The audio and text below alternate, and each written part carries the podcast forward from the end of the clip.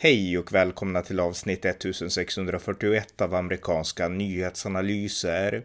En konservativ podcast med mig, Ronny Berggren, som kan stödjas på swishnummer 070-30 28 95 0. Igår den 12 augusti 2022 skadades den indisk-brittiske författaren Salman Rushdie allvarligt när en gärningsman attackerade honom mitt under en föreläsning i Chautauqua i New York. Allt sedan Salman Rushdie publicerade sin bok Satansverserna 1988 har han levt under dödshot efter att Irans stora ayatolla Ruhollah Khomeini utfärdade en dödsfatwa mot honom för att ha hädat islam. Här berättar jag om gårdagens mordförsök. Varmt välkomna! Ja, den stora nyheten från igår kväll den 12 augusti är att den indisk-brittiske författaren Salman Rushdie har blivit utsatt för ett mordförsök. Och eh, det skedde mitt under en föreläsning som han höll i New York eh, igår och eh, en man sprang upp på estraden och eh, högg Salman Rushdie med en kniv innan mannen trycktes ner på marken och stoppades och eh, Salman Rushdie fördes till, till sjukhus. Det finns videoklipp utlagda på Youtube där folk i publiken har filmat direkt efter det här rådet. Kanske kom ut fler filmklipp också, vem vet. Men efter rådet och där man kan se att, ja, dels ser man hur chockad publiken är och så ser man, det ser i alla fall ut att vara Salman Rushdie där uppe på scenen och så. Så att det är den stora nyheten från gårdagen dagen. Och eh, jag tänkte berätta mer i detalj om det här eh, och konsekvenserna och resonera kring det. Men jag tänkte börja med att berätta lite om Salman Rushdie, därför att han var ju mer i nyheterna för ja, 35 år sedan kanske, när han verkligen var utsatt för allvaret i, i det stora dödshotet då, som jag ska berätta om. Men många som inte kanske är intresserade av litteratur eller följer den här yttrandefrihetsdebatten och framförallt om man är lite yngre så kanske man inte alls vet så mycket om Salman Rushdie. Så lite bakgrund. Han föddes i alla fall, Salman Rushdie, i Indien 1947 i Bombay. Han eh, växte upp i en muslimsk familj, men han kom fram till att han var ateist och eh, han blev författare och 1981 så gjorde han ett stort genombrott med boken Midnight's Children eh, och fick då eh, Bookerpriset, ett eh, anseende, ett prestigefullt pris. Och han skriver mycket om religion, religionsteman och det här är ju oftast noveller. Jag har läst, jag har inte läst någon hel bok av honom faktiskt, men jag har läst stycken och olika utdrag och så. Och han skriver, jag vet inte om han skriver allegoriskt, men han skriver berättande, alltså det är inte faktaböcker han skriver utan det är novellberättande och liknande och eh, han eh, leker då oftast med olika religiösa teman. Och det gjorde han också eh, i den bok som gjorde att han blev känd eller ökänd, eh, nämligen boken Satansverserna som han släppte 1988. Och den här boken, där leker han lite grann eh, med profeten Muhammed, islams profet, och eh, ja, framställer en teologiskt felaktig bild av Muhammed på något sätt. Och det här väckte ett ramaskri i den eh, muslimska världen och framförallt i Iran. I Iran så ägde den islamiska revolutionen rum 1979 och eh, 1988 så levde deras stora ayatollah eh, Rohalla Khomeini och eh, han utfärdade då en fatwa, en dödsfatwa, där han krävde att muslimer skulle döda eh, Salman Rushdie för att Salman Rushdie hade hädat islam. Den utfärdade Ayatollah Khomeini den 14 februari 1989 och eh, det här blev, det sattes också en stor belöning på, på hans huvud för den som skulle kunna döda Salman Rushdie. Och eh, reaktionerna vart omfattande mm, på boken som han hade släppt och på honom som person. Och eh, 2007 så skrev jag en bok som heter Västvärldens möte med militant islam. Och då återberättar jag lite om det som hände med, med Salman Rushdie på eh, 1988 och framåt där då. Jag skriver så här. Den person som blivit mest känd för att hotas till döds av muslimer är emellertid den indiske författaren Salman Rushdie som 1988 skrev sin bok Satansverserna. En skönlitterär roman där författaren i ett begränsat parti av boken leker lite med idén att Mohammed framförde budskap som i viss mån avviker från den klassiska muslimska tron. Detta ledde till ett ramaskri i muslimvärlden och Irans dåvarande religiösa ledare Ayatollah Khomeini utfärdade en dödsfatwa mot Salman Rushdie som manade muslimer över hela jorden att mörda författaren och alla de som var inblandade i bokens utgivning. Rushdie ber om ursäkt om han stött sig med några muslimer, men dödsfatwan åter, återkallas inte. När boken sedan börjar spridas internationellt huggs 1991 en japansk översättare av boken ihjäl. En italiensk översättare skadas också. En riklig belöning utlovas åt den som tar livet av Rushdie, eh, som alltsedan bokens utgivning har tvingats leva med ständigt livvaktsbeskydd. Och eh, ja, eh, sen så höjdes den här belöningen då gradvis till 3 miljoner och, eh, och så. Så att eh, han har verkligen orsakat eh, uppståndelse bland, inte minst bland eh, shia-muslimer, för det ska sägas att han föddes i Indien, men han var persier, så att det var ju ett iranskt påbrå han hade, så det fanns en koppling där också. Och när den här boken kom ut så väckte det då inte bara motstånd från Iran, utan även muslimer i väst protesterade. Eh, jag har läst en artikel nu i The Telegraph av Douglas Murray, This time Britain must stand behind Salman Rushdie. Och där så påminner eh, Douglas Murray om att även i Storbritannien så demonstrerade muslimerna på gatan och de krävde även där i Storbritannien att Salman Rushdie skulle dö. Och det var inte alla i den brittiska eliten som där och då stod upp för Salman Rushdie. Och eh, i en artikel i Vanity Fair så skriver, eh, så berättar eh, författaren Martin Amis Telle-Elli eh, att även prins Charles eh, var, var liksom kritisk till Salman Rushdie och menade ungefär att om man, om man smädar någons djupaste religiösa övertygelser och så vidare. Så att han var inne på det spåret, det här eh, politiskt korrekta spåret redan då. Men Storbritannien, där på den tiden, de var ändå på ett sätt tydliga, för de bröt relationerna med Iran när eh, ja, den här dödsfattvan kom till stånd och våldet började utvecklas. Och eh, Rushdie, han bad som sagt eh, muslimer om ursäkt om han hade stött någon, men det ändrade inte så mycket i förhållande till hotbilden eh, och sådär. Men det fanns också de som försvarade Rushdie, för där och då var ju det här med religiösa påtryckningar väldigt nytt. Eh, vi hade ju de här, eh, även när det gäller Lars Vilks, som vart skrämda av de här islamistiska hoten. Alla minst Teppas Fågelberg 2012, när han tyckte att om man liksom upprör människor som är lika stingsliga som jordgetingar, då får man väl skylla sig själv ungefär. Så att det är ju den här instinktiva rädslan som vi i väst har, för vi är inte vana vid att folk blir så upprörda av att man liksom kritiserar religion och vi blir lite skrämda när vi ser de här hoten, när man med våld vill stoppa åsikter. Inte för att vi tycker att det är rätt, men för att det är någonting vi inte är vana vid. Och eh, så var det ju ännu mer då när Satansverserna kom 1988. Så att väldigt många bokhandlar, de gav efter och sa att vi vill inte eh, publicera de här böckerna, vi, vi vill inte sälja de här böckerna därför att det här är ja, det är ett hot mot, mot oss och vi blir lite rädda och framförallt vi kanske inte vill väcka anstöt. Det var ju så man tänkte då. Men eh, Eh, det fanns en författare som gick emot allt det här och det var författaren Stephen King, en av mina favoritförfattare, en skräckförfattare från USA. Och eh, han sa så här till de amerikanska bokhandlarna i alla fall, att eh, okej, okay, om ni inte vill sälja Salman Rushdie, då kan ni också plocka bort alla Stephen King-böcker från era hyllor, för då kommer ni inte heller att få sälja Stephen King, sa han meddelade han till bokhandlarna och förlagen och så. Och de ändrade sig och eh, Salman Rushdie fick vara kvar. Så att eh, Salman Rushdie blev väl rädda där, litterärt i alla fall och försäljningsmässigt av Stephen King. Och det tycker jag är häftigt. Um, Iran i alla fall, 1998 så meddelade de att de inte längre avsåg att skada Salman Rushdie och eh, det gjorde de då för att de ville ha återupprättade relationer med Storbritannien, eh, vilket de också fick där och då. Men direkt efteråt så fastslog de, då meddelade iranska myndigheter att okej, okay, vi vill inte skada Rushdie, men dödsdomen mot honom står fast.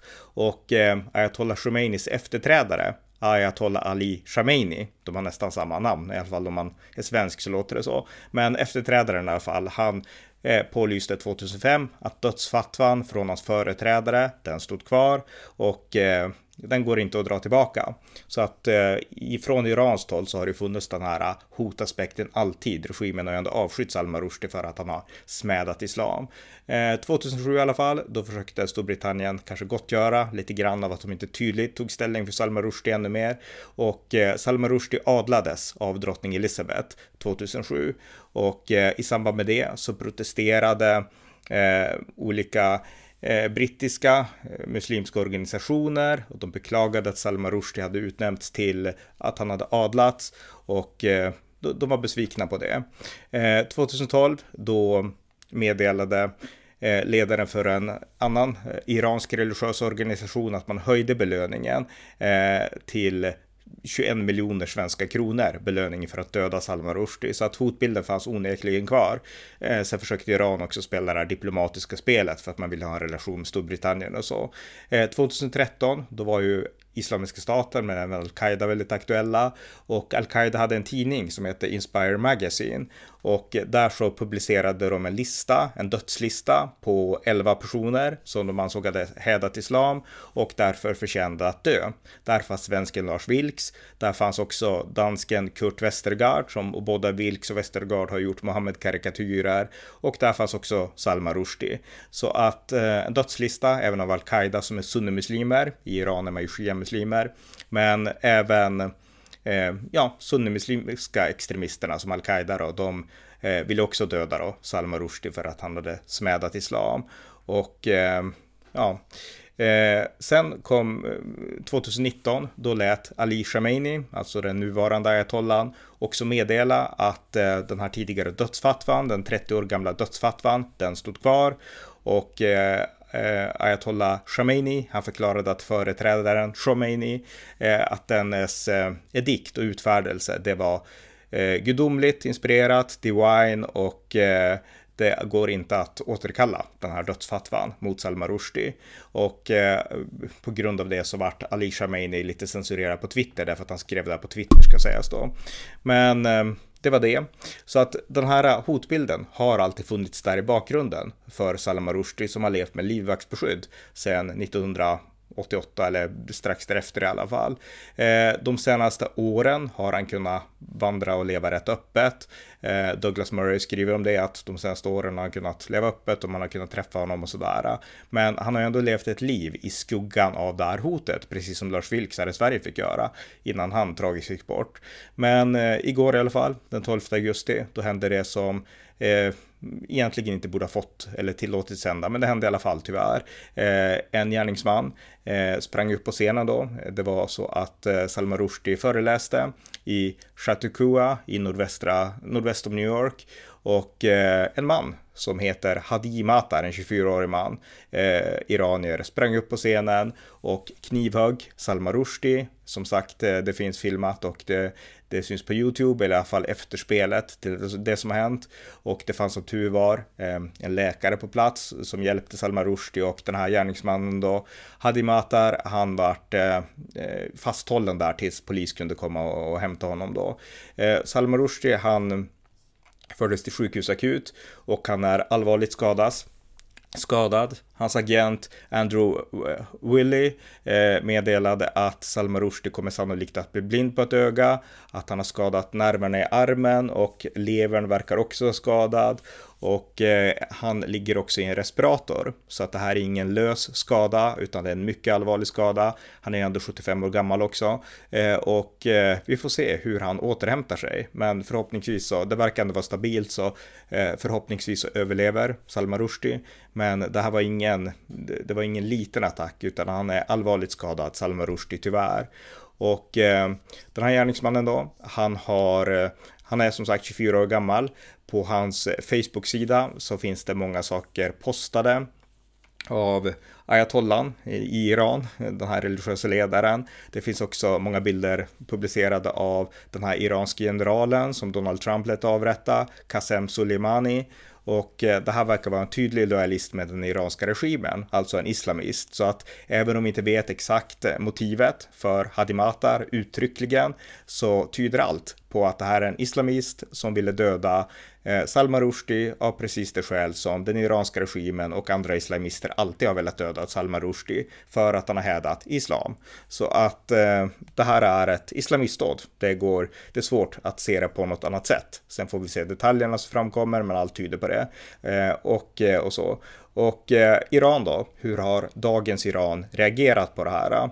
Eh, det finns en del artiklar som påpekar när man har nämnt det här att det här var en avfälling, Salman Rushdie, han är ju som sagt ateist och eh, blir man ateist som muslim då är man en avfälling. Och eh, en hädare har han också kallats för. Och eh, The Islamic Republic News Agency, de beskrev eh, honom som en avfällig författare och eh, de beskrev satansverserna som en hädisk eh, eh, bok om islam. Så att den iranska regimen har inte vad jag har utläst, fördömt dådet, vilket man skulle kunna önska, utan de beskriver det som har hänt med ett nedlåtande, med olika nedlåtande epitet mot Salman Rushdie. Så att inget att hämta från den iranska regimen, de är illvilliga i förhållande till Salman Rushdie, minst sagt. Så att det här är det som hänt och det här är en stor tragedi för yttrandefriheten. Idag så är vi nästan vana, vi, vi hör ofta om islamister som utför våldsdåd mot västerlänningar och som inte tror på västerländsk yttrandefrihet, som inte har samma syn på att häda islam eh, och rätten till att göra det som vi har här i väst när det gäller att häda både kristendomen och islam och andra religioner. Men den, det, där finns det stor oförståelse från det, den muslimska minoriteten och eh, väst måste nu dra en linje i sanden. Alltså vi kan inte fortsätta så här. Utan eh, Salman Rushdie är den mest kända eh, liksom islamkritiska författaren i världen. Och det var han som gjorde den här islamkritiken känd för väst. Och sen har alla andra exempel följt och Kurt Westergaard, Lars Vilks och så vidare. Men Salman Rushdie är liksom urtypen för att liksom en person i väst som hävdar islam och sen så får man en religiös backlash. Något som vi i väst inte alls har varit vana vid när det kommer till islam alls i modern tid eller någonsin. Så att eh, han är verkligen en banbrytare och det här är fruktansvärt och det är ett misslyckande för den liberala demokratin att den här gärningsmannen lyckades ta sig fram och göra det här. Alltså vi borde ha sett till att eh, Salman Rushdie var skyddad så att det här aldrig skulle kunna ha skett. Men, men det skedde i alla fall, det inträffade i alla fall och det är mycket beklagligt. Och det visar att vi måste dra en linje i sanden mot islamister, de, de som hotar med att eh, inskräcka yttrandefriheten. De måste tydligt få veta att i väst så tror vi på yttrandefrihet och även rätten att smäda islam. Och eh, vi ska inte lida hot eller våld för att vi vill kritisera islam till exempel. Det är liksom en grundläggande yttrandefrihets, yttrandefrihetsprincip som definierar västvärlden. Vi måste vara tydliga där. Mot de som använder våld så måste vi också vara stenhårda och eh, sådana som använder våld för att begränsa och inskränka yttrandefriheten genom hot eller våldsdåd, de måste spärras in under mycket lång tid, utvisas när det går och vi måste vara stenhårda och vi har inte varit det. Och därtill så får vi inte relativisera sådana här saker. Ehm, jag brukar ofta prata om en akademiker jag hade i Umeå som heter Mohammed Fashel Hashemi som är med i tv och kommenterar islam lite nu och då. Han har en väldigt problematisk syn på yttrandefrihet och liknande. Han menar sig teoretiskt tro på den, men alltid när det kommer till islam så försöker han alltid linda in det och sådana saker. Och han skrev en bok 2008 som heter Vems islam? Där han förklarar att i väst håller man yttrandefriheten högt och rätten att smäda religion och så, eh, vilket är sant. Men han betonar då att det här växte fram i en opposition mot den stora stora eh, liksom, kyrkan som stod över vanligt folk. Så att det var de svaga som slog uppåt. Det var det som liksom föranledde rätten att smäda religion och yttrandefrihet i Sverige. Medan när man kritiserar islam, menar han, då slår man neråt mot en stackars liten minoritet. Och han skriver faktiskt så här i sin bok då, Vems islam från 2008. I fallet med de islamofobiska niteckningarna, och då menade han Lars Vilks och Kurt Westergaard åt dem på Jyllandsposten, är det däremot den sekulära överheten och dess kulturella och politiska elit som vill disciplinera sina muslimska minoriteter. Deras ambitioner tycks snarare vara att skapa social kontroll och en sorts kulturell enhetlighet inom den muslimska underklassen i dessa samhällen. Det är alltså hans syn på Lars Vilks och Kurt Westergaards teckningar. Och eh, han eh, ja, han menar då att det är ett sätt att slå neråt. Och eh, jag ställer mig frågan, hur ser han på eh, till exempel hädisk metalmusik i islamvärlden, sexuella provokationer i islamvärlden och eh, jag menar, de slår ju inte uppifrån och ner på någon liten minoritet, utan de slår också uppåt. Stöder han dem? Eh, men det är inte så mycket som tyder på det, därför att han skriver så sällan om det, eh, om han ens gör det. Däremot så skriver han om Salman Rushdie eh, och han skriver då så här att eh, den överväldigande majoriteten muslimer som ogillade teckningarna visade dock sina protester genom fredliga demonstrationer och krav på politiska och ekonomiska sanktioner mot Danmark efter Mohammed-karikatyrerna där då 2005 och det stater som stödde publiceringen. Det här är inte enda gången som muslimer protesterat mot olika företeelser eller uttalanden i väst. Adlandet av den brittiske författaren Salman Rushdie är bara några exempel. Och här vill han då betona att muslimer, de alla går inte omkring med knivar och dödar de som smädar islam, utan muslimer kan också protestera fredligt, vill han betona. Men hela poängen är att vi är inte nöjda med det i väst, utan vi vill att eh, muslimer ska acceptera att vi kan smäda religioner. Och eh, tycka att det här är någonting som vi också står upp för. Vi tror på religionen privat, men om någon vill smäda islam så ska det vara helt okej. Okay. Det är det man ska stå upp för. Man ska inte gå emot att Salman Rushdie blir adlad, utan man ska gå emot att eh, Salman Rushdie har en dödsfatwa från Iran. Det är liksom det som är kravet för att vara en västerlänning. Och det här missar den här akademikern, Mohammed Faisal Hashimi. Så att eh, det är en akademiker som syns i media och ofta gör han så här. Han ringaktar och relativiserar och han eh, åberopas ofta som expert och han förtjänar inte det därför att han har en problematisk syn när det gäller de här sakerna, vilket hans texter och uttalanden vittnar om gång på gång. Så att vad vi måste göra när sådana här saker händer, det är att vara glasklara, precis som Stephen King. Vi tror på yttrandefriheten till varje pris. Alla hot och alla former av våld är förkastligt och eh, de som relativiserar sådana här saker, liksom det här är en mjuk relativisering, men de som relativiserar, de också, måste också hängas ut och vi måste bli tydliga med att i väst så är våra rätt att smäda, häda och kritisera religion, det är en sakral del av det västerländska moderna tänkandet och av vårat system där vi tror på yttrandefriheten som en av hörnstenarna i våra samhällsbyggen och där ingår den rätten och vi måste bli tydligare här. Vi måste få politiker som är tydliga och som vågar vara tydliga och som vågar fatta politiska beslut i enlighet med att skydda yttrandefriheten.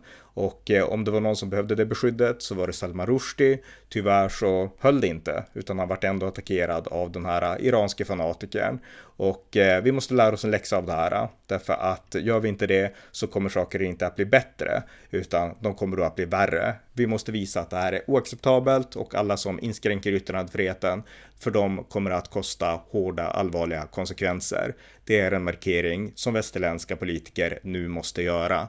Och vi måste göra det för Salman Rushdies skull, men också inför framtiden. Det här är ju inte någonting som kommer upphöra, utan kraven från islamister om att vi ska censurera, om att vi ska skämmas, om att vi ska typ gärna dö om vi smädar islam. Det är någonting som kommer att fortsätta. Det kommer inte minska. Så att vi måste få politiker som är beredda att ta den här fighten. Det är budskapet i den här podden. Så att med det sagt så har ni nu fått veta vad som har hänt i, i ja, det här dygnet. Den stora nyheten, ett eh, tragiskt mordförsök eh, som Salma Rushdie, den indisk-brittiske författaren, har utsatts för. Så att det var mitt korta take på det här och jag kanske återkommer senare eh, om samma ämne. Ni har lyssnat till amerikanska nyhetsanalyser, en konservativ podcast som kan stödjas på swishnummer 070-30 28 95 0 eller via hemsidan på Paypal, Patreon eller bankkonto. Skänk också gärna en slant till valfri Ukraina-hjälp. Tack för att ni har lyssnat.